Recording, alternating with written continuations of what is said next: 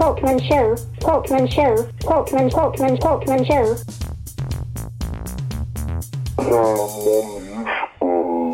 Vi har alltså fått dörrknackaren, försäljaren José Mourinho till Tottenham. Alla charmas av hans verbala skicklighet. Alla trollbinds av hans fantastiska presskonferenser. Men sinom sin tid så kommer man märka att den här dammsugaren eller brandsläckaren kanske inte riktigt var så fin och så fantastisk som han verkade vara vid första visningen. José Mourinho är precis som en dörrknackare, a.k.a. försäljare, som är duktig på det. Han kan föra en presentation som är fantastisk. Han kommer trollbinda oss alla, men sinom sin tid, ett år, ett och ett halvt år, när dammslutaren slutar funka, så kommer han inse att den sög bra i några månader, ett halvår, max ett år. Men sen är det dags att byta filtret. Tack. Hi, this is Ledley King, and you're listening to the Ledley Kings Need podcast. Podcast. Podcast, podcast, podcast, podcast, podcast. podcast. Kamrater. Håkmans soldater. Käka liljevita oblater. Och drick dina kolhydrater. Konsekvent, inkonsekvent. Det bästa som någonsin hänt. Du kommer aldrig bli dig själv igen, min vän. Här flödar hybrisen.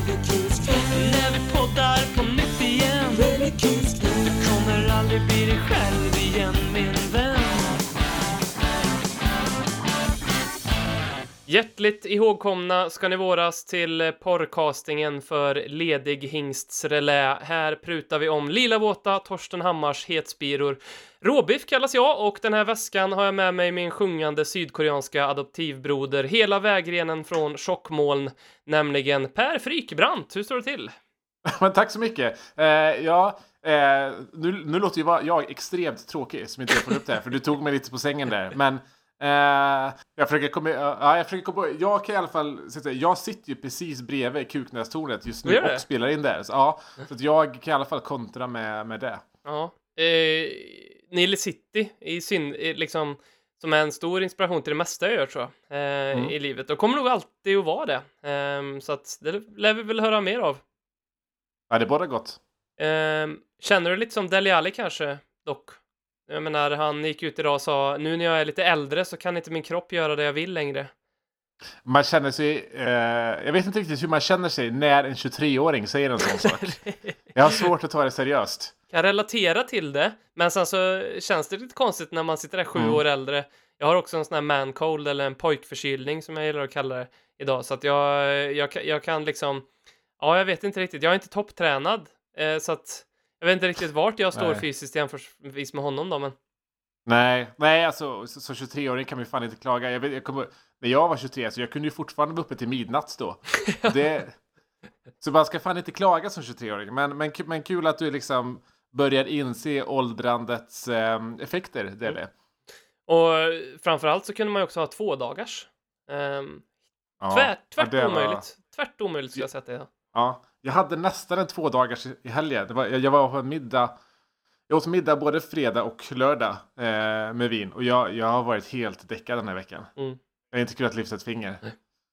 Nej, du vet, Det- du vet ja. hur Dele Alli känner sig. Ja, jag vet framförallt hur han kommer känna sig. Vi, Vi, vi, vi, har, vi har inte så långt kvar med Dele Alli om, om, om han kommer vara i samma form som jag är när han är 30. Vi ska prata ganska mycket om José Mourinho här idag. ehm, och även hans... Oh, eh, aha, okej. Ja, precis. Eh, hans kompadre också, Joao... Eh, vad heter han? Ka- Sa- Sacramento. sakra- Sacramento. Jag höll säga, säga Joao Casemiro, men det, är- det är ju en helt annan person. Eh, vi ska börja med en liten quiz tänkte jag. För, Mm. för två personer som alltid är i ropet och, och nu på senare tid har varit så extra mycket är ju José Mourinho såklart, men också Zlatan Ibrahimovic. Och det fanns Mm. ju en liten Tottenham-koppling där ett tag som José fick eh, till och med en fråga på en presskonferens om där han sa att Zlatan inte är aktuell på grund av att vi har Harry Kane. Eh, sen så har ju det eh, nu också kommit ut att Zlatan ehm, köpt in sig på en del av, eh, av, av Sveriges Tottenham, Hammarby. Och de här är ju ganska lika de här två. Eh, så jag, har tagit- jag, jag har tagit ut fem citat här eh, och så ska jag läsa upp dem för dig och så ska du gissa vem det är som sagt det. Var Mm, det ja, okej. Zlatan eller var det José Mourinho? Väldigt spännande. Mm, då kommer det första citatet här. The older I get, the better I get. I am like red wine. Eh, alltså Zlatan har ju haft en del som ålderscitat, men jag tror aldrig att han skulle referera till rött vin. Så att det säger jag José. Det är faktiskt Zlatan. Ja, okej. Detta var efter att han hade gjort två baljor mot West Bromwich.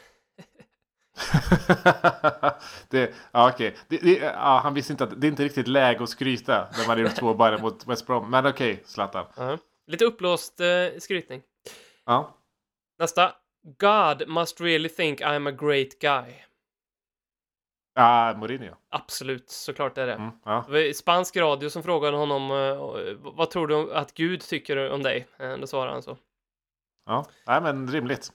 Då kommer nästa då. Eh, a pundit is not honest if they cannot forget their colors or if they try to hide the truth from their aud- audience. It is not my fault if their managerial career was very poor.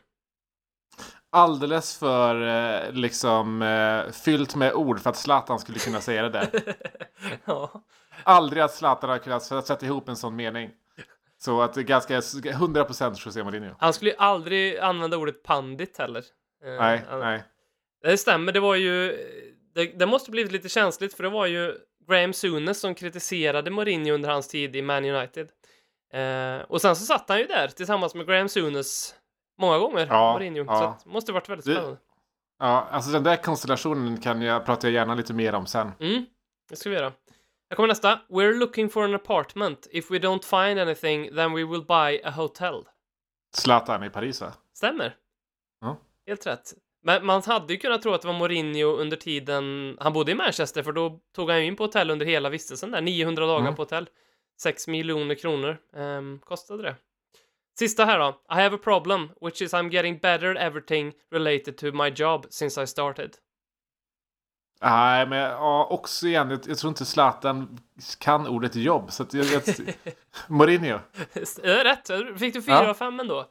Ja, Eh, det här var ju något han sa innan, precis innan allting gick åt helvete för honom i Chelsea. Andra vändan Mm.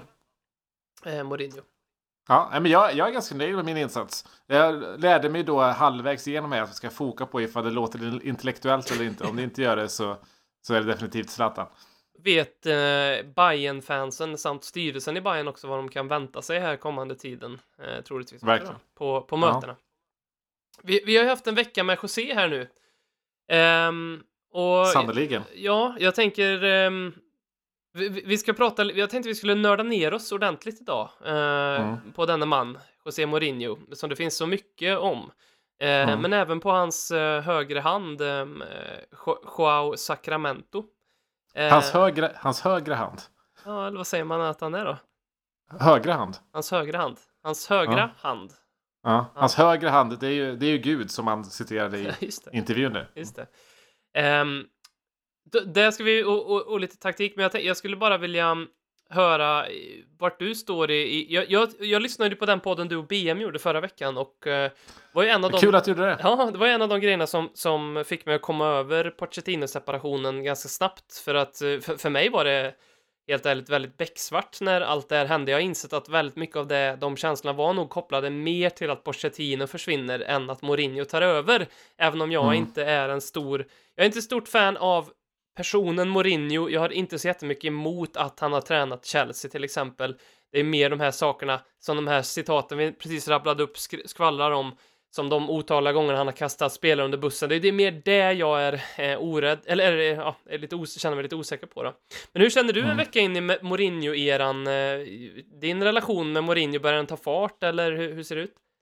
Ja, absolut. Alltså jag känner...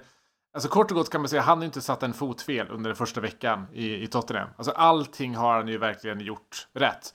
Och man märker liksom vilken stor grej det här, det här är. Jag menar första presskonferensen som han hade på eh, på träningsanläggningen. Det var, det var fler journalister där, det var fullsatt där och det var inte ens i närheten av att vara alltså innan Champions League-finalen ens. Så det märker att en helt annan liksom bass kring, kring Tottenham nu än vad det någonsin annars hade varit. Och vi har nog underskattat vilken, alltså vilken alltså världsstjärna Mourinho faktiskt är. Alltså det är ju som att vi värvar, in, inte Messi kanske, men typ Mbappé i, i, liksom, i, i den Eh, i den bassen som kommer kring, kring, eh, kring oss. Eh, och jag tror att utöver det, det sportsliga ska vi ju absolut gå in på lite senare. Men, men jag tror att det, det är med, med Pochettino att vi hade ju byggt upp det här som ett mardrömsscenario för väldigt länge sedan. Alltså redan när det började ryktas om, om Pochettino bort för, för ett och ett halvt år sedan. Och det var ju en stund där, eh, där Mourinho var på sin botten och vi var Eh, ganska nära vår topp i alla fall. Vi hade precis varit uppe på den. Och där och då, för ett och ett halvt, två år sedan, hade det såklart varit ett dåligt byte. Att byta ut en, en, en, en, en Pochettino som där och då hade all framtid för sig mot en Mourinho som kändes trött och jävlig. Eh, men det känns som att vi i vi i Tottenham har levt kvar med den bilden för två år sedan. För redan då var det liksom eh, byggde man upp det här scenariot i huvudet med Pochettino ut, Mourinho in. Eh, och sen är det levt kvar. Men, men så som, som läget är nu, det är, det är inte det är inte alls så. Alltså vi, det, det är tvärtom. Pochettino, och det här har kommit upp en hel del nu på sistone från ITK, är att han, han ville ju bort. Alltså han, vill, han ville lämna. Eh, han, han, ville få, han ville inte lämna självmat. Han, han, ville tvinga Liv i, i princip att, att ge honom sparken. Eh, han gav upp spelartruppen. Han, han var inte alls lika engagerad som, som innan. Eh, samtidigt som Mourinho har verkligen bevisat att han inte är den liksom United eh, José som vi, som vi såg. Det här är ju eh, en revamped Mourinho. Vi har sett det i hur han ställer upp laget, hur han hanterar eh, media och, och, spelare. Och man märker ju alltså, när man väl börjar liksom säga eh, Mourinho blir en familjemedlem och du liksom i princip hänger med honom varje dag. Du märker vilken stjärnkraft det finns. Alltså han kan ju, man märker ju och förstår varför han är en tränare som får ut det bästa och mesta av sina spelare. För han charmar fan sönder en alltså. Det är så? Ja, men känner du inte så? Alltså känner du inte då hur, hur det liksom så pirrar lite i snoppen när du ser, när du ser honom? Jo. När han pratar? Jo, det skulle jag ljuga om jag inte kände. Det är kanske fel, kanske fel av mig att kalla honom en, en familjemedlem och sen säga det. Det är, inte, det är inte så många familjemedlemmar som det pirrar i snoppen på mig när de pratar. Nej, det hoppas jag inte. Nej. Eh, men ja, det är väl någon sjuk jävla relation, familjerelation i alla fall. Ja, vi är ju värmlänningar båda två, så att det här är ju inte, Exakt. Det är inte lika är, främmande vi... för dem som det kanske är för gemene man. Nej, det är, Även det är främmande. Tyvärr. Nej, men mm. absolut, vi fick ju ett par frågor om det här eh, som jag tycker är bra ställda frågor. För det är ju någonting som jag också tänkt på den senaste veckan. Har Mourinho genuint förändrats efter ett sabbatsår från fotbollen och funnit sig själv och blivit en ödmjuk familjefar eller är det bara någonting för att vinna förtroende här och nu? Och vem kommer vi att se när det börjar gå tungt? Um, och, och, Tobias Hedberg skrev på vår Twitter också, varför har man gått från att hata Mourinho till att faktiskt börja gilla karln? Och det, och det, är ju, det är, finns ju någonting där. Um, jag tycker det, eh, och, hos, i vissa fall tycker jag det har verkligen gått för långt. Jag har sett ganska mycket på Facebook och Twitter där eh, fans har liksom, eh, framförallt nu när han har diskuterat det här med Eriksens vara eller icke vara i Spurs, mm, då har mm. han eh, eh, sagt att han har pratat med Eriksson, Eriksen vid ett par tillfällen och att han behöver veta om hans har sitt hjärta kvar i klubben eller inte. Och mm. då är det jättemånga som har runkat av Mourinho högtidligt på social media och sagt att det här är min manager, så här gör man och då känner jag lite grann så här, ja, jag tror att Pochettino också gjorde detta, men han stod inte i en presskonferens och skröt om han att, att han har gjort just detta. Så det, det ser jag igenom lite grann. Men sen så ser jag ju också, eh, och, och, jag märker ju bara på mig själv att jag tycker mer om honom från, från det att ny, nyheten briserade. Då tyckte jag att det var, det var helt eh, från vettet. Jag var i upplösningstillstånd och nu är jag ju lite mer taggad på Tottenham på ett helt annat sätt. Mm. Um, och sen en annan intressant grej, och det här är faktiskt uh, våran poddkamrat uh, Jocke Wallin som har um, uh, så mycket träffande gjorde den här beskrivningen i en krönika uh, som också har fått mig att fundera som är ganska intressant att det var väldigt många som kallade för, för Pochettinos eh, huvud att rulla eh, i, i social media på Tottenham Sweden Chat Forum bland annat och i, i Twitter och på, och på Twitter och sådär. Eh, och det var många som svarade upp på det med att nej, men nu måste vi stå bakom våra manager, nu, så här kan vi inte hålla på. Och just nu har ju liksom det där bordet vridit på sig, så att nu sitter ju de här ah, som har skrikit för Pochettinos huvud och säger att till de som säger att Mourinho, nej han tror jag inte på, de, de sitter ju och säger jo men vi måste stå bakom våran manager, så liksom oppositionen har vänt lite grann, vilket jag också tycker är Eh, är lite intressant. Jag är någonstans i, i det här stadiet att jag skulle vilja att Mourinho eh, bevisar eh, att han har förändrats. Jag, jag, jag har svårt att tro att en 54-årig gubbe eh, Lex, liksom lära en gammal hund sitta, har förändrats så mycket som man kan hoppas, men Eh, man ska inte underskatta vad ett år borta från fotbollen och, och, och, kan göra och dessutom att han har liksom tagit med sig lite annan tränarstab till Tottenham också, får, har lite nya perspektiv till en ny klubb som, som satsar på ett litet annat vis än vad han är van vid. Eh, mm. Att det kan forma honom och förändra honom, det tror jag definitivt. Men, men jag, eh, hade vi förlorat mot Olympiakos med 2-0 igår till exempel, då hade jag, då hade jag liksom ja, vad ska man säga, suttit i fosterställning och väntat på presskonferensen efteråt för vad han skulle kunna tänka säga. Mm. Mm. Nej, men det, alltså, det är absolut så att säga. Vi ser ju en smörande Mourinho just nu. Det är inget snack om saken. Och man kan absolut argumentera för att det han säger, det är liksom eh, det, det, är mer eller mindre skådesp skådespelarinsatser. Det är alldeles för välplanerat och, och genomtänkt. Och det är klart det är det. Men han, som sagt, han är ju det. Han är ju liksom, han är ju charmig. Han, han, han manipulerar ju människor. Och det, det, är det som också gör att han får ut det mesta och bästa utav människor. Och precis som du var inne där kring liksom, vilka som har kommit in tillsammans med dem. Vi får inte glömma att det här är inte bara Mourinho som har tagit över nu. Och det, det är som, den skepsisen jag hade liksom innan eh, det här, den här rockaden var just att säga ja men om Mourinho kommer in så är det inte ett projekt. Pochettino är ett projekt. Mourinho är inte ett projekt. Mourinho är liksom en kortsiktig lösning för att på två säsonger vinna en eller annan titel. Mm. Men det teamet vi har här och eventuellt också kommer få fler av. Det är ju ett projekt.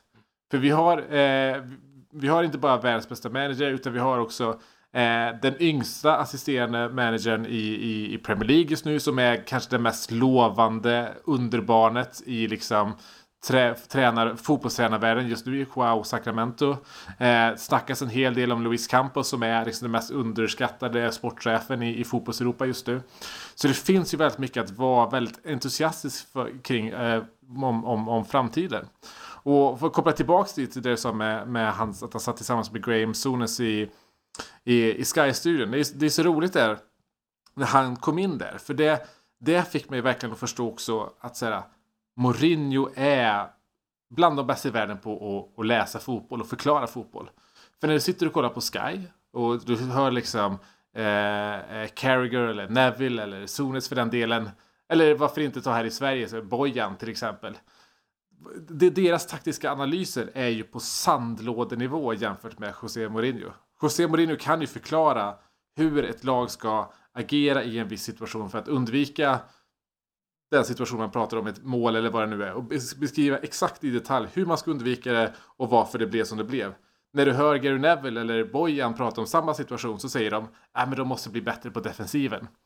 Och det är så, där, i det, det är liksom så här, verkligen bevisar det också att säga Mourinho, han, han kan fan fotboll. Han, och det, det har han bevisat i de här första matcherna också. Att säga, ingen läser en match lika bra som, som honom. Eh, och det är alltså, Pochettino är nog uppe på den nivån också. Man vad gäller att läsa matcher där är det få som, som, kan, som kan mäta sig med, med Mourinho. Och det känns som att det är så många gånger de senaste 5-6 åren som det är vi som har haft en, en, en 2-0-ledning mot ett Mourinho-lag. Och sedan blivit eh, sedan förlorat tränarmatchen. Och sedan också förlorat matchen i förlängningen och släppt in ett 3-2. Så nej, jag, alltså jag, eh, det var också en mörk stund den där kvällen för en vecka sedan. Eh, men redan när vi började köra igång den där eh, liksom akutinsatta podden och, och, och, därefter så känns det känns, det känns på riktigt roligt att, eh, att följa det här projektet nu. Mm. Och, och alltså, jag förstår ju alla som är liksom lite negativt inställda till, till, till, till Mourinho för det som är fallet här är att vi har blivit av med en del av vår identitet. Så är det ju. Alltså Pochettino var ju på Tottenham identiteten personifierad. Mourinho är ju i grund och botten motsatsen till vad vi ska vara egentligen. Eh, men alltså det här, är det någonting vi har blivit varse om under den här fotbollsveckan så är det att den moderna fotbollen är här. Mourinho är tränare i Tottenham. Zlatan är delägare i Bayern. Eh, liksom, allt det vi trodde vi visste om fotboll är liksom out of the window. Och det är bara att gilla läget. Jag gillar läget ganska mycket just nu. Ja, jag hör det. Det är inspirerande Mm. eh, att du gör det. Ehm, vi ska... Jag tänkte vi, vi ska... Eller om jag bara får reflektera lite på det du säger också för att ehm, med, just med att en stor del av vår identitet har försvunnit. ehm, så sa jag, förbannade jag mig själv för att jag hade tagit Pochettino till hjärtat så mycket förra veckan att jag blir ju bara besviken ändå, men jag har landat någonstans i att nej, men jag tänker fan göra det nu också. Eh, det är för att stålsätta sig eh, och inte vilja vara lite rädd för att känna känslor. Jag, jag tror bara i det långa loppet att då blir det bara liksom grått och odrägligt på, på sikt. Och så har jag också tänkt att om jag tittar, om jag zoomar ut eh, på, på eh, den här tiden som har varit de senaste 10-15 åren kanske i klubben så, så ser man väldigt tydligt ehm, att ehm, Harry Redknapp, Andreas Boas misslyckades med, och Martin Joll också får man väl säga, Juan Ramos inte vet jag, men de misslyckades med det som, som var eh, Livis plan och det var ju att lyfta Tottenham från en topp, eller fr- från en, en mittklubb till en eh, utmanare om topp 4. Eh, Och den som kom in i bilden och lyckades lösa detta var ju Pochettino. Eh, och sen så har det ju med facit i hand av de här fem åren eh, varit, blivit ganska tydligt att han, nästa steg för Livi var ju, är ju att börja vinna titlar. Och någonstans har ju Livi insett att det här kommer vi inte göra med Pochettino. Han tog oss med råge eh, till nästa trappsteg, men eh, vi kan inte ta oss till det nästa. Och det, det har liksom hjälpt mig också att smälta det här och förstå att det är det som händer nu liksom. Ja, exakt. Och just också att han, det verkar som att han själv inte ville vara kvar. Eh, och, och det är i, i sådana situationer, jag är glad att det inte är Livi. Alltså jag tror att man, eh, Livi fick extremt mycket skit förra veckan. Eh, och mer skit än vad, vad någon annan ägare har fått vid ett tränarbyte tror jag. Eh, men han hade nog på riktigt inget val. Mm. Eh, det gick nog, eh, det var då så att säga, Pochettino ville bort, men han vägrade lä- lämna självmant. Vilket jag i hans situation också kan förstå. Dels av rent ekonomiska skäl. Men också om det är så att han liksom slutar självmant. Ja men då är han som har gett upp på ett projekt. Och det ser inte bra ut för nästa potentiella arbetsgivare. Eh, och in så kommer då en, en Mourinho som, och, så, som han är ju större än klubben. Vi har inte haft en tränare förut som varit större än klubben. Han, han är ju det. Och det, det märker vi ju med liksom, all den ehm, all den uppmärksamhet och uppståndelse som är kring Tottenham just nu. Inte bara det att vår presskonferens är liksom eh, fullsatt. Det är också det att första träningen med honom som livesändes var en miljon tittare. Liksom. Mm. Det säger en hel del om dragningskraften kring, kring honom just nu. Ja, bara den grejen att ehm, jag eh, har ju noterat ett, ett eh, Eh, li, lite överdrivet mycket fokus på José från Tottenhams eh, sociala medier den senaste tiden som jag, som jag har cyniskt och lite bittert valt att genomskåda som någon form av försök att få oss att omfamna honom snabbare, vilket de- de bara gör rätt i att göra. Eh, och, och bara en sån sak att jag då twittrade ut ganska snabbt att aha, det här var första gången Tottenham någonsin livesände en, en träning. Ehm, nu när Mourinho kom in och sen så var det någon som mycket klokt påvisade att det har vi faktiskt gjort inför varje Champions League-match. Det säger ju också en hel del om att det hade inte jag nåtts av ens eh, innan Nej. dess. Så att det, Nej, det säger ju faktiskt ganska mycket om mig, men också om uppståndelsen kring eh, José Mourinho. Då. Ska vi bara Mm. snabbt innan vi eh, zoomar in i lite vad vi kan förvänta oss rent taktiskt av honom, men också av eh, Joao Sacramento. Jag är nervös varje gång jag ska säga hans namn här nu. Eh, det, det känns som jag kommer säga fel. Men Joao Sacramento, så, så kan vi väl bara... Vi har spelat två matcher under Mourinho, vi har sett 11 mål, vi har gjort sex stycken och... Eh, vi har gjort sju stycken och vi har släppt in fyra. Mm. Eh, det är West Ham och Olympiakos som har städats av. Eh, vad har du liksom plock, utan att vi ska stanna här nu för länge i varje match, men vad har du plockat eh, för russin ur de här kakorna? Men alltså, alltså, man kan väl kort och gott säga så att säga, vi hade ju inte kunnat haft bättre matchbilder som de Josés två första matcher än så som det var. Det som var mot West Ham var att i, i 70 minuter så fick eh, vi bevisat för oss exakt hur bra vi kan vara. José fick se exakt hur mycket talang och framförallt offensiv talang som finns i Tottenham idag. Och vi fick se en del prov på liksom vad, vad José kan bidra med även, även offensivt. Eh, och så fick vi under 20 minuter också se exakt hur dåliga vi kan vara defensivt. Och José fick se exakt vad han behöver träna på framåt med laget för att vi ska kunna ta nästa steg. Eh, I Olympiakos-matchen så, så kom vi i det ganska snabba 2-0 underläget och Eh, vi fick återigen bevisat under de första eh, 45 minuterna egentligen hur dåliga vi kan vara och de eh, resterande 45 minuterna visar faktiskt hur bra vi kan vara. Och det där är väl också säga, hade det där hänt för, för en vecka eller för två veckor sedan under, under Pochettino, vi hade aldrig vänt den där matchen. Så att just också få den, den vändningen eh, nu tror jag också är, är väldigt bra för att visa att säga, ja men under den här nya tränaren så, så är allting möjligt. Vi, vi, vi är gamla Tottenham igen. Även om det finns så himla mycket mer kvar att, att arbeta på såklart. Eh, men alltså det vi fick se, som sagt var, är ju också ett, det var ett nytt ett nytt Mourinho, ett nytt spelsystem också. Han, vi, vi har, det känns som att alla vi fans har vetat att 4-2-3-1 är det bästa för Tottenham att spela med det materialet vi har. Eh, men Pochettino har ju vägrat göra det och i första matchen så får vi se ett, ett, ett ganska, eh, ganska klassiskt 4-2-3-1 upp, eh, uppställning. Sen var det ju inte så det såg ut alltid på planen. Och för det, om man tänker så här, om man ska förklara den här liksom spelsystemet på något sätt. Så att fotboll handlar ju om att till 50% om att försvara sin egen mål och till 50% om att göra mål på motståndaren. Och så som vi ställde upp var egentligen med att då, eh, ganska logiskt sett, alltid ha eh, eh de bästa, fem defensivt bästa spelarna bakom bollen och de fem defensivt bästa spelare, eh, offensivt bästa spelarna framför bollen. Så vi spelade ju i possession då, när vi hade bollen, ett 3-2-5 system egentligen. Där, eh, där vi hade då eh, Davis stannar kvar och bildar en trebackslinje.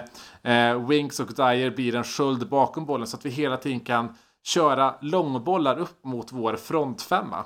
Så att, och det var en ganska stor skillnad mot, Morin, äh, mot Pochettino. För med Pochettino så ska vi alltid spela oss framåt. Alltså vi ska alltid spela bakifrån och, och, och, och bygga upp spelet bakifrån. Det kommer vi inte göra längre. Inte på samma sätt. Vi fick ju vi se kommer, en, vi kommer lyfta eh, långt. Vi fick ju se en riktig målvaktsutspark för första gången på fem år ungefär också. Exakt, och det är ju fullt rimligt med att säga du lyfter den långt, försöker vinna andra bollen och misslyckas du med det, ja men då har du dina fem defensivt bästa spelare som skyddar eh, den, den, eh, den kontringsattacken. Eh, och vi fick ju då se ett 3, 2, 5 system längst fram har vi då Orier som egentligen då blir en en, eh, en femte forward egentligen.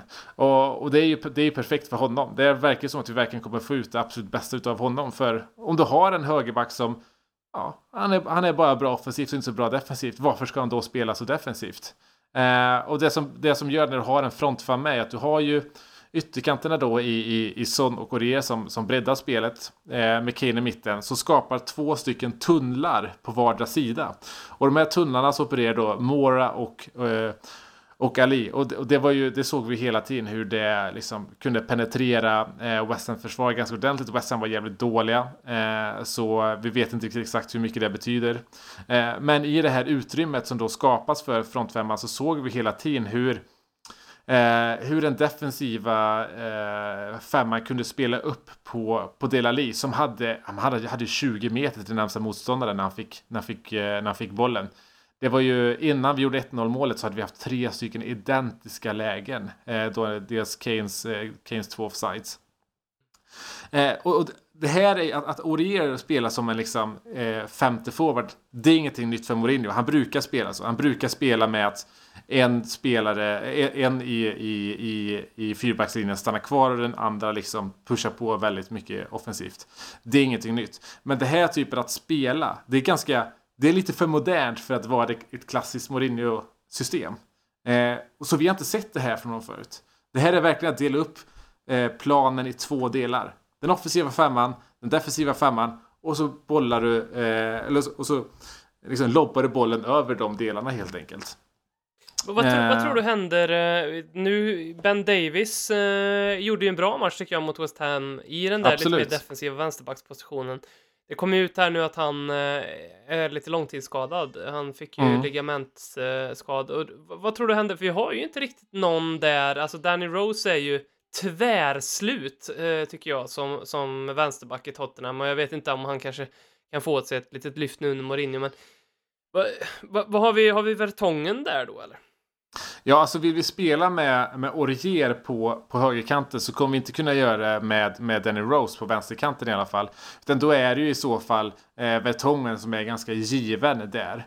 Men vi får också komma på att säga att vi har ju ganska perfekt balans i det här i alla fall. För, för Orier kan vara den positionen på högerkanten. Men Cessignon kan ju vara Orier fast på vänsterkanten. För vår, eh, vårt alternativ på högerbackspositionen är ju Foyth. Och Foyth är ju en högerversion av Ben Davis. Inte bara politiskt utan även på spelplanen.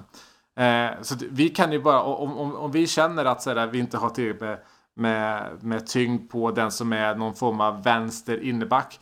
Ja men då kan vi bara, bara byta och köra liksom Ehm, köra, eh, köra Cessignon som vänsterback som har samma roll som Orier. Är uppe i, i, som, som forwardsfemma. Och så har vi Foyth som den här eh, höger innerbackspositionen på andra kanten istället. Så det är ju ett sätt att lösa det på. Mm. Vi fick också eh, se ett eh, snabbt byte. Ehm, Simon Marklund eh, skrev till oss här, vem anser ni är mest lämpad och kortsiktigt ta platsen som Josés städgumma nu när Dyer olyckligt spelat bort sig. Eh, Eh, Han hänvisar ju troligtvis till det här med att eh, Mourinho har haft en förkärlek till den typen av roll. Eh, En Cambiasso, en Nemanja Matic-rollen. Men SCN framförallt. SCN framförallt. Um, och, och Erik Dyer blev utbytt i typ 26 minuten eller den var igår eller om det var ännu tidigare och Christian Mm. Eriksen kom in. Um, vad, är, är, är Dyer slut där eller vad, vad kan vi förvänta oss där på den positionen tror du? Alltså, för- det första så Di- äv- även Dyer, om han inte var sitt, sitt bästa jag och inte har varit på väldigt länge, så var det ju inte han som var sämst av de två innermittfältarna igår, utan det var ju Harry Winks. Eh, så att, jag, jag, jag tror inte att det betyder slutet för Eric Dyer egentligen. Eh, Eric Dyer är väldigt ringrostig just nu, vilket är kanske ganska rimligt för att han har ju den här eh, ganska svårdefinierade sjukdomen just nu som, som gör, eller i alla fall har gjort att han ibland kan vakna upp på matchdag och ha 40 graders feber utan att, liksom, utan att ha någon form av förvarning. Så vi vet ju inte hans hälsotillstånd riktigt än och han ser ju ut att vara väldigt ringrostig. Eh, men jag, jag, jag tror att med, med, med tanke på att vi har sett vad, vad Mourinho på jävligt kort tid kan göra med Delali som är en tydlig favorit och Eric Dyer borde vara en lika mycket favorit för José Mourinho defensivt så borde han kunna ha lite grann samma effekter. För att vi behöver inte tweaka Erik Dyer eh, så jättemycket. Han behöver inte bli 2016 Dyer för att han ska funka som liksom vår städgumma fram tills dess att vi får in en bättre. För att få in en bättre, det måste vi. Även om Dyer liksom når upp till hyfsad nivå igen så kommer vi behöva en, en ersättare, någon som är bättre än Dyer helt enkelt. Men om man bara kan komma upp och när, liksom, få lite av den här Delles brorsa eh, liksom effekten, ja men då kan han funka som stoppkloss där tills vidare. Eh, sen så ska jag säga det också att Harry Winks, som faktiskt har varit sämre än Dyer, även om det är svårt att vara det, under, under Mourinho i alla fall. Eh, han, han har ju han har haft en tuff säsong i det att han har kastats under bussen egentligen i sin position. Han har fått vara den sittande mittfältaren eh, i Tottenham under, under Pochettino. Och eh, han har ju exponerats väldigt mycket med det. Men det är alltså när du är sittande mittfältare i Pochettino och det blir en spelvändning. Då är, det, då är det du och två andra som ska försvara. Då är du en av tre. När det blir en spelvändning i ett Mourinho, eh, i ett, i ett Mourinho-system, då är du en av fem. Så det- kommer inte han bli lika exponerad. Så kanske kan också Winks eh, vara den eh, personen också som en, liksom, en liten stoppkloss tills att vi hittar bättre. För det är ganska givet att en av de där två sittande mittfältarna kommer vara en Dombele. Eh, han gjorde det jävligt bra när han kom in mot Olympiakos och det är exakt den rollen han har haft när han har spelat i Lyon när han gjorde det så bra. Han spelade i en exakt sånt eh, duo mittfält i ett 4-2-3-1 och det var det som gjorde att, han, att vi köpte honom. Så att det spelsystemet kommer passa honom kanonbra. Eh, men, men ja, vi behöver, vi behöver en ny oavsett in, en, en parti eller vem det nu kommer bli. Jag skulle vilja, eh, innan vi glider sömlöst vidare här, så skulle jag också vilja lyfta en annan hjälte i Tottenham-ledet och det är ju eh, bollpojken, fortfarande okänd för den stora massan, som gjorde ett Mm. snabbt ingripande igår eh, vid, eh, vid ett inkast eh, och eh, tog eh, Olympiakos helt på sängen med att Sergio Aurier helt plötsligt, det var ju tur att, att Sergio Aurier lyckades kasta också, för han har också en historia med att inte kunna kasta fotbollar.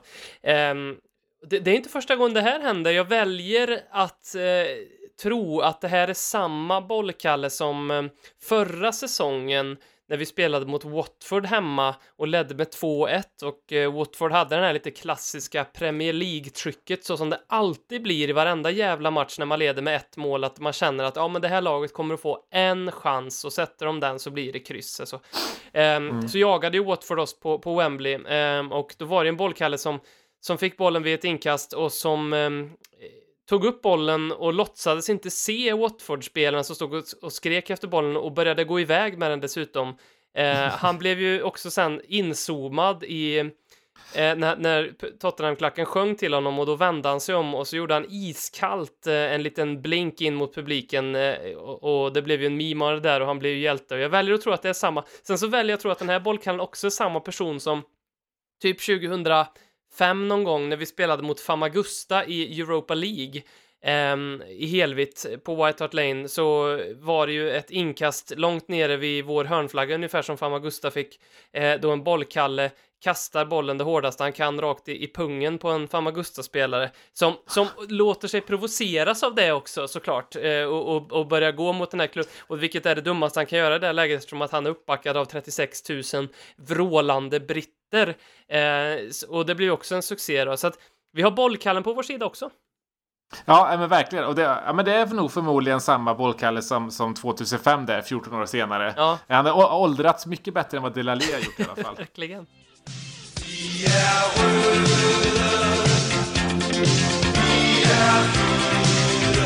Hej, mitt namn är Christian Eriksen. Jag är 7,5 halvfjerds år gammal och jag spelar offensiv mittfältare i Tottenham Hotspur. Jag kan också spela central innermitt och högeroffensiv och ibland också vänster offensiv mittfältare. Jag befinner mig nettopp i höjdpunkten av min karriär och jag är ledig nu efter en ny utmaning. Om du är intresserad kan du ringa min agent, Mr. Preben Prebensen, på nummer 756 halvfjerds 34 98. Ha det!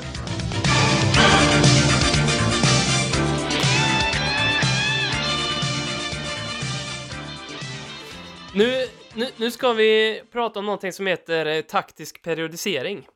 Mm. Eh, mums. Nu blir det, nu är vi i det, den delen av podden ehm, där vi eh, uppmana lyssnarna att eh, sätta sig till rätta med eh, ett glas rött eller eh, en, en kopp kaffe eller någonting och, och, och, och, och varva ner lite grann. För nu blir det lite mer tungt och inte så mycket känslor och reaktioner utan nu ska vi prata om eh, Mourinhos kanske största hemlighet kan man väl säga, fast det inte är en hemlighet, men en av... eh, Hans, hans, man kan ju säga hans största bidrag till f- fotbolls-England och fotbolls-Europa kanske. Verkligen, som är taktisk periodisering och som då också är ett koncept eh, som, om man vid första anblick så låter det så fruktansvärt självklart. Eh, men som ju mer man läser om det och ju mer man förstår om det, det finns ju såklart otal pdf-er och YouTube-videos på det här och vi har ju såklart eh, läst igenom dem alla eh, för att koka ner det här och göra det här tydligt vad taktisk periodisering igen, Men då finns det ju en snubbe som heter just Joao Sacramento eh, som eh, gjorde eh, för ett par år sedan en studie i hur José Mourinho hade eh, använt just taktisk periodisering och som man också då, det var första gången de kom i kontakt med varandra. Jag, jag minns inte exakt hur länge sedan detta var, men det, men det var ett par år sedan. Eh, och sedan dess har ju då eh, Sacramento varit på Mourinhos radar och nu är han också hans eh, högerhand i Tottenham. Eh, så då. Om du skulle, om, om jag är fem år gammal, eh, hur skulle du förklara taktisk periodisering då för mig? Nej, men det handlar väl om att man inte ska göra eh, liksom, träning. Den ska inte vara isolerad. Ingen, inget träningsmoment ska vara isolerat. Man kan väl förklara som så att när, eh, när Mourinho kom till Chelsea så, eh, så det första han gjorde var att eh, så ställa in försäsongsträningen i princip. Alltså att du inte ska göra den klassiska försäsongsträningen. John Terry har berättat om att så här, eh, de liksom, eh, kom till träningen och spelarna själva började dra igång och liksom köra hårda liksom, fyspass och börja, börja, eh, börja löpa två milspass och eh, Mourinho kom in och frågade vad fan, vad fan håller ni på med? Eh, ni ska inte träna liksom det här. Eh, så, var, varför tränar ni på det här sättet? Varför tränar ni på att bli bättre fotbollsspelare och inte träna fotboll? En pianist springer inte runt pianot för att bli en bättre pianist. En pianist sitter vid pianot och spelar.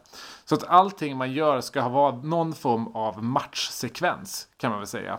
Eh, oavsett om det handlar om fysträning eller om det är eh, liksom trixa lite med bollen. Allting ska vara insatt och tränas i en matchsekvens kan man väl säga. Jag vet inte om, jag vet, jag vet inte om en femåring skulle förstå Ja, det. kanske inte, och inte Zlatan heller. Nej, nej framför, framförallt inte Zlatan. Han är ju på en ännu lägre nivå. Det kanske därför han inte hamnar i Tottenham. Nej, men det, och det är ju väldigt... Eh, så nu är vi fortfarande bara på skalet och här låter ju allting väldigt eh, logiskt, men det förbluffande är faktiskt när man, när man tittar lite hur det ser ut i klubbar i, i England framför allt då, för eh, det, har man ju liksom en historik av den här typen av liksom gubbe som har spelat fotboll i en jävla massa år och sen så blir han tränare, typ så nu pratar jag om en liksom Harry Redknapp, Sam Allardyce, Roy Hodgson typ eh, så. Eh, så, Mm. Man så- kan ju säga, eh, Ole Gunnar Solskär är ju raka motsatsen till vad taktisk periodisering är. För Mm.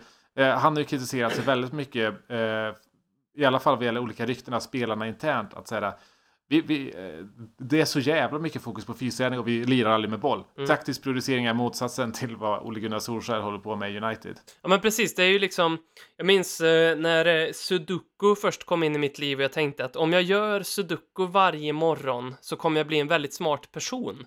Och sen så lärde jag mig väldigt långt mycket senare då att nej, du blir inte speciellt mycket smartare om du gör sudoku varje dag. Det som händer är att du blir väldigt mycket bättre på sudoku. Och det är ju lite grann samma koncept då att Eh, mer eller mindre all fysträning ska vara med boll, som du säger, och återspegla något matchmoment, till exempel. Okej, du är Serge Aurier, du har tappat bollen långt upp på motståndarens planhalva. Nu handlar det om att eh, kuta tillbaka. Då handlar det om att väva in det taktiska elementet i det, att hamna på rätt position. Det handlar om, givetvis, det fysiska, eh, om att ta sig tillbaka till sin plats, men det kan också handla om något tekniskt där man, där man kan förväntas få kanske en boll till sig och behöver ställa om i ett, ett svårt moment eller behöva finta någon snabbt då. Så det är ju hur själva träningen ser, upp, ser ut. Ja. Ja, e, exakt. Och det, man kan säga att det här är ju någonting som... Det, det är ju en... Eh, eh det är en portugisisk idé från början. En väldigt akademisk idé från... Eh, som uppkom också... Nu har jag glömt vad, vad han heter. Han jobbar ju tillsammans med Sir Bobby Robson där. Han, Vi- han som kom på det här. Vittor Ferde, heter han inte så? Exakt, exakt. Ja, men det stämmer bra. Eh, och, så det här är ju en idé som har liksom eh, eh, som, som formades på ett portugisiskt universitet för, för massa år sedan som eh, Mourinho egentligen var det första som implementerade i alla fall på någon större internationell nivå så. Eh, och, och, och det är fler som har följt efter det. Andres Villas-Boas är ju en som kör det här ganska tydligt. Brendan Rodgers körde eh, väldigt tydligt. Körde framförallt väldigt tydligt i i, eh, i, i Swansea. Och det var ju tack vare det som vi egentligen har Joao Sacramento hos oss idag. För Joao Sacramento, han är ju, han är ju, han är ju 30 bast och ingen är ju, han är ju den yngsta assisterande tränaren i, i Premier League eh, idag. Jag vet inte om han är den yngsta historiskt också, det, det vet jag faktiskt inte, men han är yngst just nu i alla fall. Och han ville ju som, eh, som ung portugis eh, plugga, plugga fotboll helt enkelt. Och valde då att flytta till Wales av alla ställen. Pluggade på eh, University of South Wales. Eh, och eh, jag måste flytta dit direkt efter liksom, gymnasiet. Han kom dit som, eh, som 19-åring eller något sånt där. Och eh, eh, har ju beskrivits av många som, eh, som verkligen besatt av fotboll. Han kan sitta i 20 timmar i sträck och, eh, och bara plöja liksom, analys. Eh, men det han gjorde var att han studerade ju då Swansea lite grann som att han bodde i, i Wales. Eh, och blev då liksom bekant med det här eh, taktisk periodisering via att studera Brendan Rogers träningar. Och valde då att, precis som du sa, skriva en uppsats på det temat. Eh, och eh, som portugis, portugis som han var så eh, visste han ju också att José Mourinho höll på med det. Så han skickade ju den där uppsatsen till, till honom. Eh, och eh, hade då Eh, för han hade ju analyserat även José Mourinhos träningar i det utan att ens ha liksom varit, varit på en sån träning. Jag vet inte hur det funkar riktigt. Eh, men José blev ju då så extremt imponerad av honom att han, att han liksom tog kontakt med honom igen. Och måste också ha varit Mourinho som introducerade honom för Luis Campos. För Luis Campos tog honom ju sen till, eh, till Monaco. Eh, som, jag tror han kom till Monaco som 25-åring. Eh, och var liksom eh, mot, eh, scoutade motståndarna. När Luis Campos gick till Lille så, så, eh, så, så, tog han med sig eh, Sacramento det som fick eh, vara lite assisterande under Bielsa och det är ju en jävligt bra skola att gå i som 27-åring. Sen fick han ju också, då, då var, Bielsa var ju bara där ett år. Eh, så, så, så Joao var ju faktiskt interimtränare där ett tag också. Eh, eh, tills de fick sin, eh, sin nya tränare. Så han är ju det är tack vare eh, taktisk producering som vi har Joao hos oss idag. För utan den där uppsatsen skickad till José så hade, vi, hade de aldrig träffats. Och Joao hade kanske aldrig blivit den han är idag. Tänk på det alla ni som sliter med en uppsats där ute att det kanske slutar med att ni hamnar hos José Mourinho en, en vacker dag, vem vet? Man, man mm. kan ju, om man bryter ner det här ytterligare då, så kan man ju säga att, att eh, taktisk periodisering också handlar om att bryta ut eh, de här fyra dominerande delarna av en fotbollsmatch, vilket är givetvis försvara eh, som ett element. Det andra elementet ställa om till anfall. Det tredje är anfall och det, det fjärde är ställa om från anfall till försvar. Då. Eh, att, att, dela upp dem i respektive att man hittar subdelar av eh, varje sån del som man också då tränar och att man då kan sprid, sprida ut det. det. Det är ett väldigt populärt, det är precis på samma vis som en, en själv brukar de gångerna man försöker skriva ett träningsschema och liksom måndagar så ska jag köra ben och, och, och rygg och så tisdagar ska jag köra bröst och så vidare och så på fredagar så blir det lite mer disco och chipsträning. Men så precis på samma sätt ska ju också då de här olika subdelarna spegla hur man lägger upp träningen, det vill säga att man, man ska ha en dag där man fokuserar på ett sånt här element och då tränar man alltså då kanske, säg eh, omställning från försvar till anfall och så delar man upp det i ett par subgrejer för hela den här filosofin bygger lite grann på um, att man som spelare är alltid utsatt i en fotbollsmatch um, för att ta snabba beslut. Um, mm. Och det är oftast svårt att ta de här besluten där och då om, och det, eller rättare sagt så här, det man oftast gör i de lägena det är att man, man går på någon form av instinkt eller man går på det man tror är rätt och det handlar om att liksom komma ner så djupt undermedvetet. Återigen som du sa här Per för, förut så är ju det här väldigt akademiskt, det hör, det hör ni ju inte minst nu då, men hela konceptet bygger på att träna in det här så pass mycket i spelarnas undermedvetna så att de här besluten ska komma um, på mer eller mindre instinkt i matcher också. Eh, och på så vis så kan ni, har ju liksom då José tillgång till, till det undermedvetna hos, hos alla spelare. Då. Ja, exakt. Alltså, han verkligen manipulerar ju på alla sätt och vis. Eh, även, även i träning, inte bara hur charmant han är. Men det är som säger, det här är ju ett sätt för att verkligen säga maximera all tid du har tillsammans med dina spelare. Ingen tid ska gå förlorad. Varje sekund tillsammans, där ska vi träna på nästa match och i matchsituationer. Eh, och det gör att man blir som spelare mycket mer förberedd såklart. Och det är kanske också därför som eh, vi såg ju en, en del tydliga José-idéer efter bara två dagar. Eh, I, i, i den första matchen. Och det här, det här sättet att, att träna och den här stilen kan ju också göra att vi, att, eh, vi, vi, får se liksom, José-resultat mycket snabbare än vad vi hade gjort med, med en annan tränare som har en annan filosofi, som har en liksom Ole Gunnar Solskär-filosofi. Där du, om du har sex timmar tillsammans med dina, med dina spelare under en dag, ja men då ska liksom tre och en halv timme av dem vara på gymmet eller på löpbandet. Mm. Det blir väldigt intressant att se det här i Amazon-dokumentären nu. Um, ja. Hur det porträtteras. Det måste ju vara en grej. Det, alltså den här Amazon-dokumentären växer på mig kan jag säga för varje dag som går. För det går ju också rykten om att eh, Pochettino ville eh, installera kameror på träningsanläggningen och det går också rykten om att Pochettino mer eller mindre inte var, var med på träningarna på samma sätt eh, mot, emot slutet, utan han satt mest på sitt kontor och analyserade videos från, från matcher. Eh, och Livi ska ju då ha, ha nekat honom att köpa de här eh, eh, kamerorna eh, och sen så ska det då liksom eh, det spett på den ondare spiral deras relation var inne i när, när det då kom också dök upp Amazon-kameror eh, precis överallt och, och Pochettino kände lite grann, men vad fan, jag fick inte sätta upp mina kameror med de här också. Och det finns ju också då rykten som säger nu att de här kamerorna ska ju varit på plats både då när Pochettino fått sparken, eh, men de ska också fått varit på plats när eh, meddelandet briserade ut till spelarna.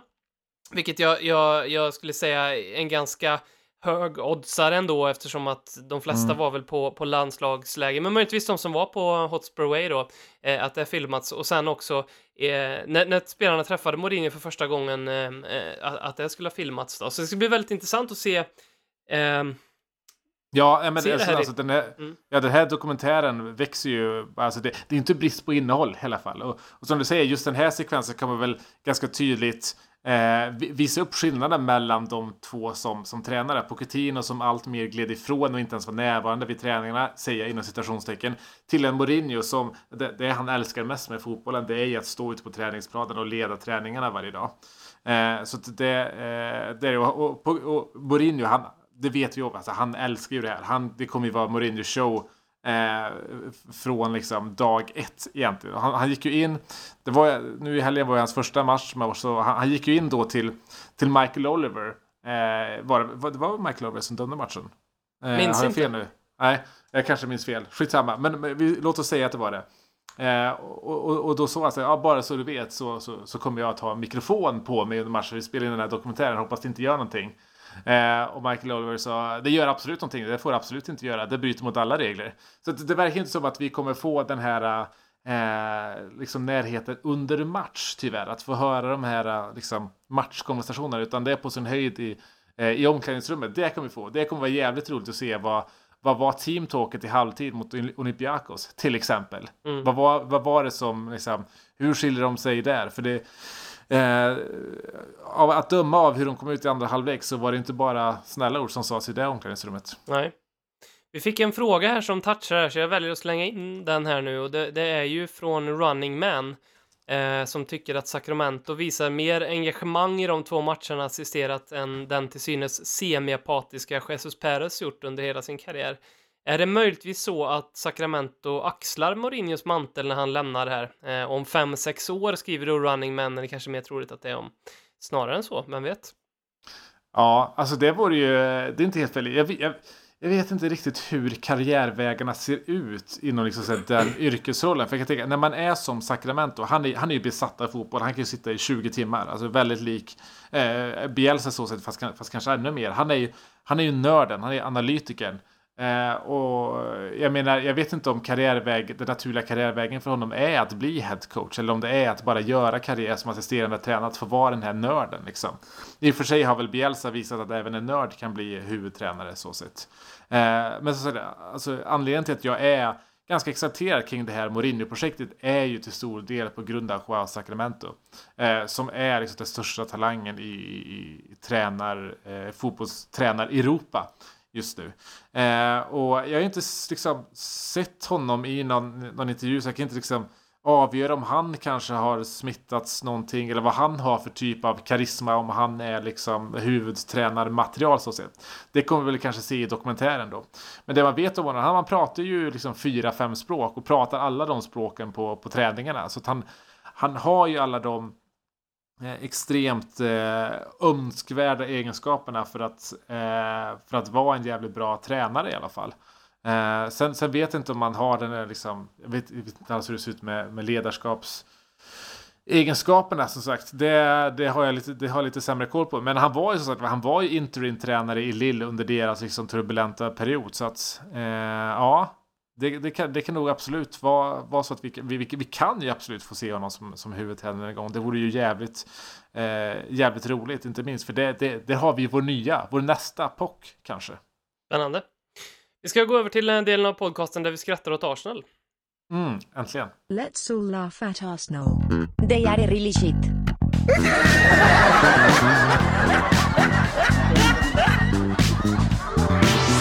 I have seen traffic lights that have stayed red longer in North London.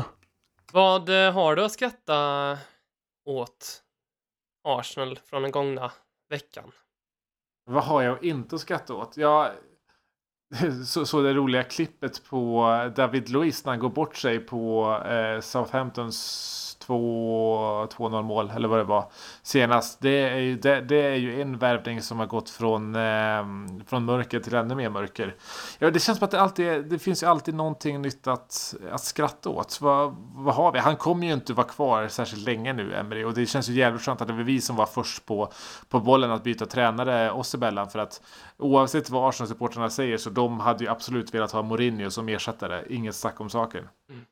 Pochettino, vi, vi, vi tar inte den diskussionen. Um, han kommer aldrig, aldrig, alltså om, om, ha, med tanke på hur mycket hat han har riktat mot Barcelona, att han aldrig skulle träna det, på grund av att han tränade Espanyol, så kommer han aldrig ens tänka tanken om att träna Arsenal. Ja, han har ju sagt det, men samtidigt, och det som bubblar i mig lite grann, det är ju sättet han fick lämna på, eh, och att det kanske spär på en någonting där, men vi ska också lägga in att det finns ju någon som som kan detta och det är ju Daniel Levy eh, och han, eh, jag, jag, har svårt att se att det inte finns en klausul i Pochettinos kontrakt som, som förbjuder honom från att ta över en Premier League-klubb eh, direkt efter Spurs, i alla fall i, i närtid så här och, och framförallt då Arsenal.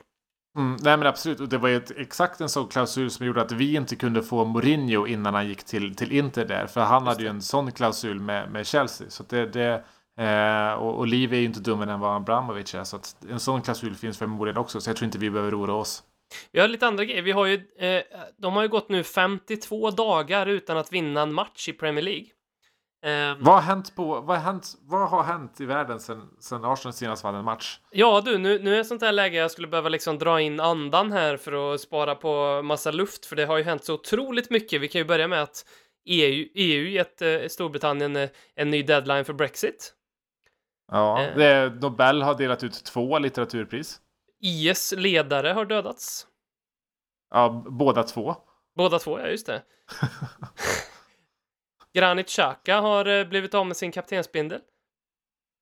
Ja, och eh, eh, efterträdaren har nästan blivit av med sin kaptensbindel. Just det. Efter att ha hånat tränaren. Ja, det, det är väldigt det mycket som kan hända på 52 dagar. Något som också hänt på de här 52 dagarna, det är ju att de Eh, som jag ska klippa in här en liten ramsa här nu. Eh, de indonesiska Arsenal-fansen har fått nog. Eh, och så här låter det.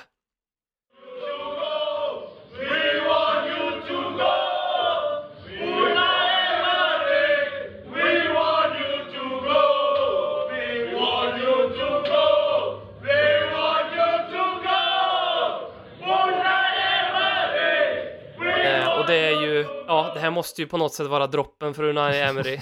det tror jag. När det kommer. Ja, men det är, det, det är svårt för Krunke-familjen att stå emot det här. Verkligen. Um, vi har några lyssnarfrågor att beta av här innan vi stänger igen eh, böckerna för den här veckan. Um, Simon Finne, det är dags att trycka på panikknappen för Harry Winks. Han är en av oss, han har ett bra namn, han ser bra ut, men han har glömt bort hur man spelar fotboll. Kan han vända skutan eller är Harry Winks nya Tom Carroll? Nej, men lite som jag var inne på förut är så här. Eh, jag vet, jag pratade ju på den senaste i och för sig om att så här, är det någon som absolut inte är anpassad efter en, ett Mourinho-spelsystem så är det ju Harry Winks. Mourinho har aldrig spelat med en Winks-typ förut. Det närmsta är ju Sabi Alonso och Sabi Alonso tvingades in i en annan roll som han klarade av för att han är och var mycket mer rutinerad och mycket bättre fotbollsspelare än vad Harry Winks eh, är. Men, men, men som jag sa förut att så här, han han kastades ju under bussen under Pochettino i sin roll att få liksom vara en sittande mittfältare där han bara har två stycken bakom sig som täcker upp och han han, han får ju lite, han blir ju lite mindre kastad under bussen som en sittande mittfältare i, i Mourinho i alla fall. Alltså han får ju då, han är ju en av fem stycken som, som, som liksom håller tillbaka i, i, i en defensiv omställning. Så att jag skulle väl inte liksom ge upp Harry Winks riktigt än kanske, men eh, jag, jag, tycker väl att liknelsen med Tom Carroll är ganska rimlig. FN Spurs med vilken medlem i Josés tränarstab skulle ni helst bli, bli stan, strandsatta på en öde ö? Ja, men det, det, är svårt att säga någon annan än Juan Sacramento när vi har pratat om honom i, i en timme nu. Han, grabben snackar fyra språk så att eh, oavsett vad det är för fartyg som kommer förbi så kan han snacka in dem och få dem att rädda oss.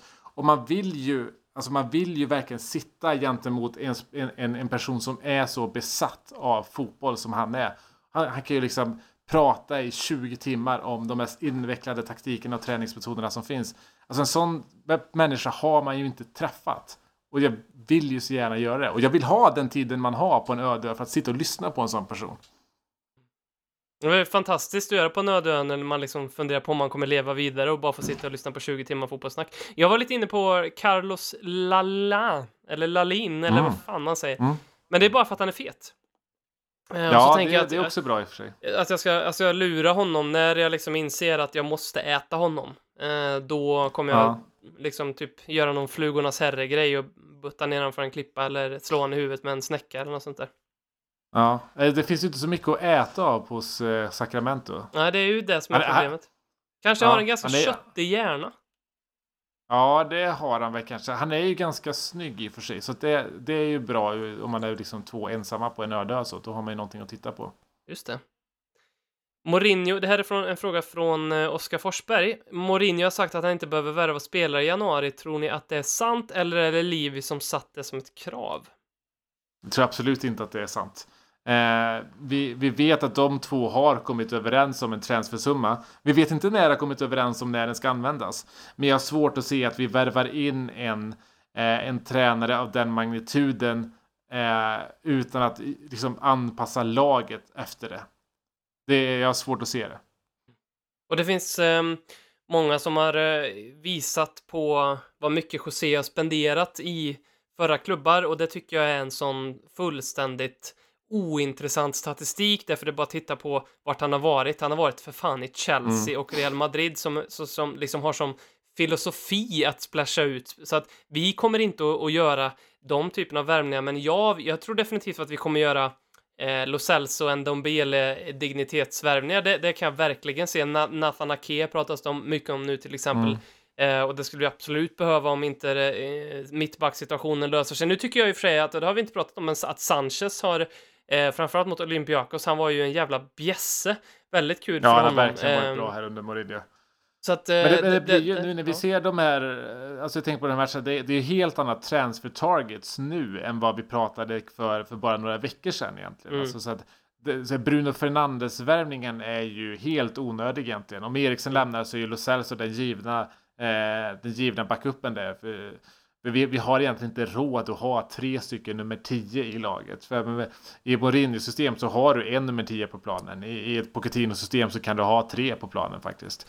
Eh, så det är helt andra. Utan det, det, det, det kommer behövas en, en, en ny typ av winger alltså, som kan ta målsituation. Det snackas en hel del också vad, vad gäller högerbackspositionen. Vi har ju Nathan Ferguson ehm, i, i West Brom. Är väl, hans kontrakt går ju ut i, i sommar. Eh, som är bland de bättre eh, backarna i, i Championship just nu. Så vi kommer nog liksom eh, se lite andra typer av, jag tänker så här, Ruben Diaz som vi pratat om i podden här förut, vet jag, mittbacken från, från Portugal. Eh, och det är absolut en sån som jag säger vi kan splasha på. Men eh, vi får ju se vad vi ens behöver värva i backlinjen. För det verkar nu som att våra kontraktsförbrytare är ganska sugna på att skriva på nya kontrakt. Mm, väldigt intressant. Ehm, på tal om Lo Celso, Peter Söderberg undrar om uh, Lo Celso är en lite Mata-typ. Nu ska jag bara säga att Bruno Fernandes blir det ju inte, men det kanske du visste också. Du kanske använder honom bara som en metafor här. Han skrev ju på ett nytt kontrakt med Sporting idag. Eh, men Lo Ja, Celso... men jag eh, tänker ja. så här, är, är det någonting vi har lärt oss av kontraktskrivningar så att det betyder inte piss för huruvida man stannar kvar eller inte. Varenda stor försäljning vi har gjort har ju tyvärr inletts av ett, ett nytt kontrakt. Mm. Lo Celso är en liten Mata eh, som inte passar in Josés sätt att spela fotboll under Peter Söderberg. Eh, ja, men lite, lite så är det väl. Alltså, eh, Lo Celso är ju verkligen en Pochettino-spelare i det att han är en extremt funktionell spelare. Han kan spela på väldigt många positioner.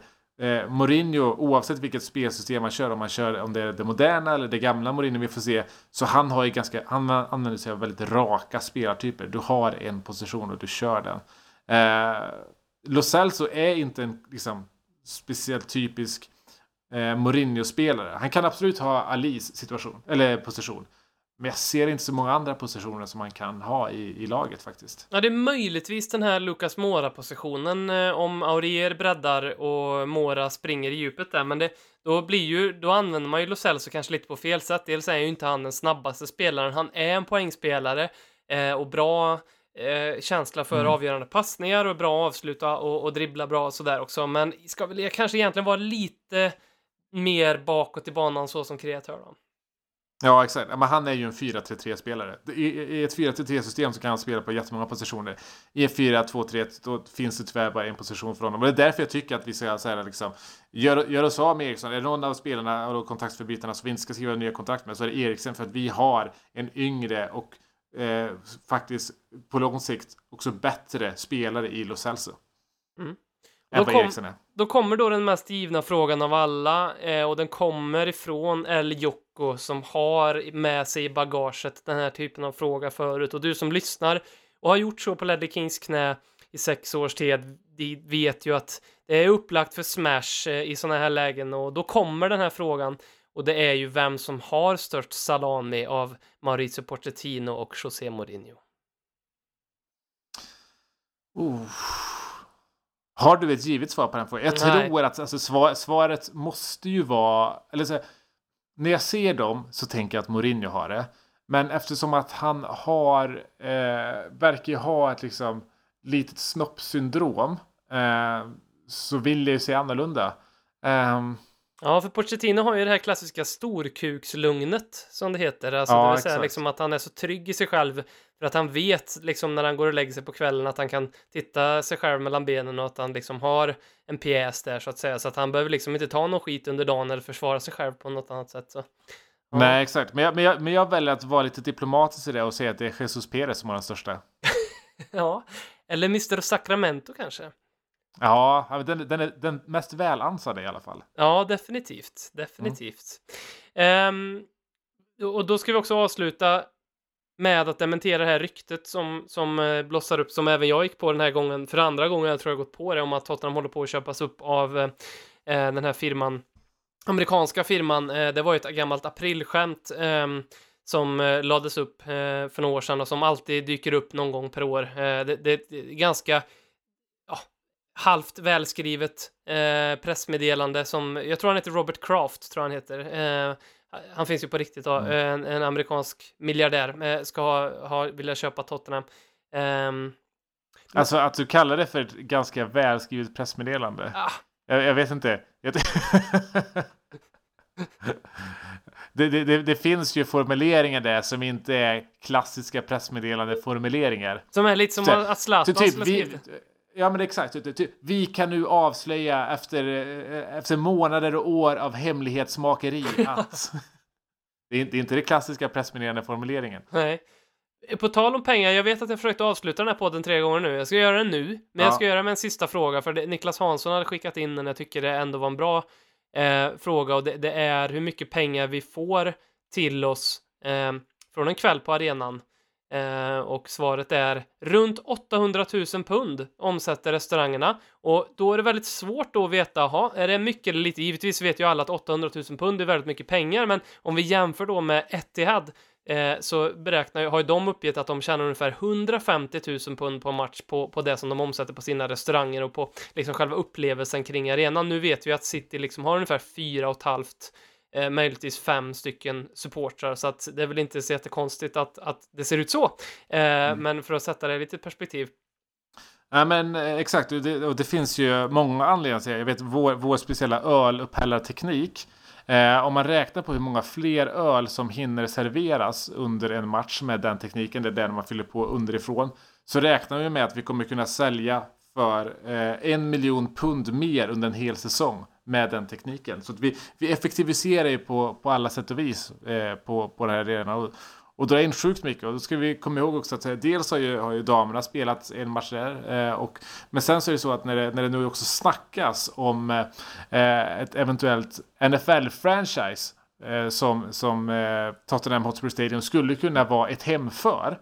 Så hade vi fått in ett sånt franchise eh, och då dubblat eh, vår, eh, våra inkomster från, från arenan under en säsong, vilket vi hade gjort eftersom vi då hade spelat varannan helg fotbollsmatch, varannan helg NFL-match. Då hade vi eh, by far kunnat bli världens rikaste klubb. Och det, det går hand i hand med de, eh, jag, de visionerna som, eh, som Mourinho har som, som tränare. Han kanske vet någonting som inte vi andra vet, att det här kanske är på, på gång. hisnande att tänka på. Ja, ja lägg där till också till att kanske vi har ett, eh, ett, ett, ett Visa eller ett Nike som kanske eh, köper rättigheterna där också. Så det finns, finns absolut fog för att tro att eh, Tottenham som klubb också kommer växa in i Mourinho-kostymen. Mm. Då vill jag tacka för en trevlig podd. Ja, men tack själv. Det känns, det har varit ett underbart bra avsnitt här. Ja, men jag tycker också det. Eh, Till nästa vecka så, så kan vi, vi ska inte lova för mycket här nu, men eh, det kommer att smälla. Eh, Ledley Kings knäs bombmatta ser otroligt skarpt laddad ut eh, inför nästa vecka. Mer om det på våra sociala medier. Tack så mycket för att ni lyssnar, som alltid. Vi älskar er. Hej. Boom. Konsekvent, inkonsekvent Det bästa som någonsin hänt Du kommer aldrig bli dig själv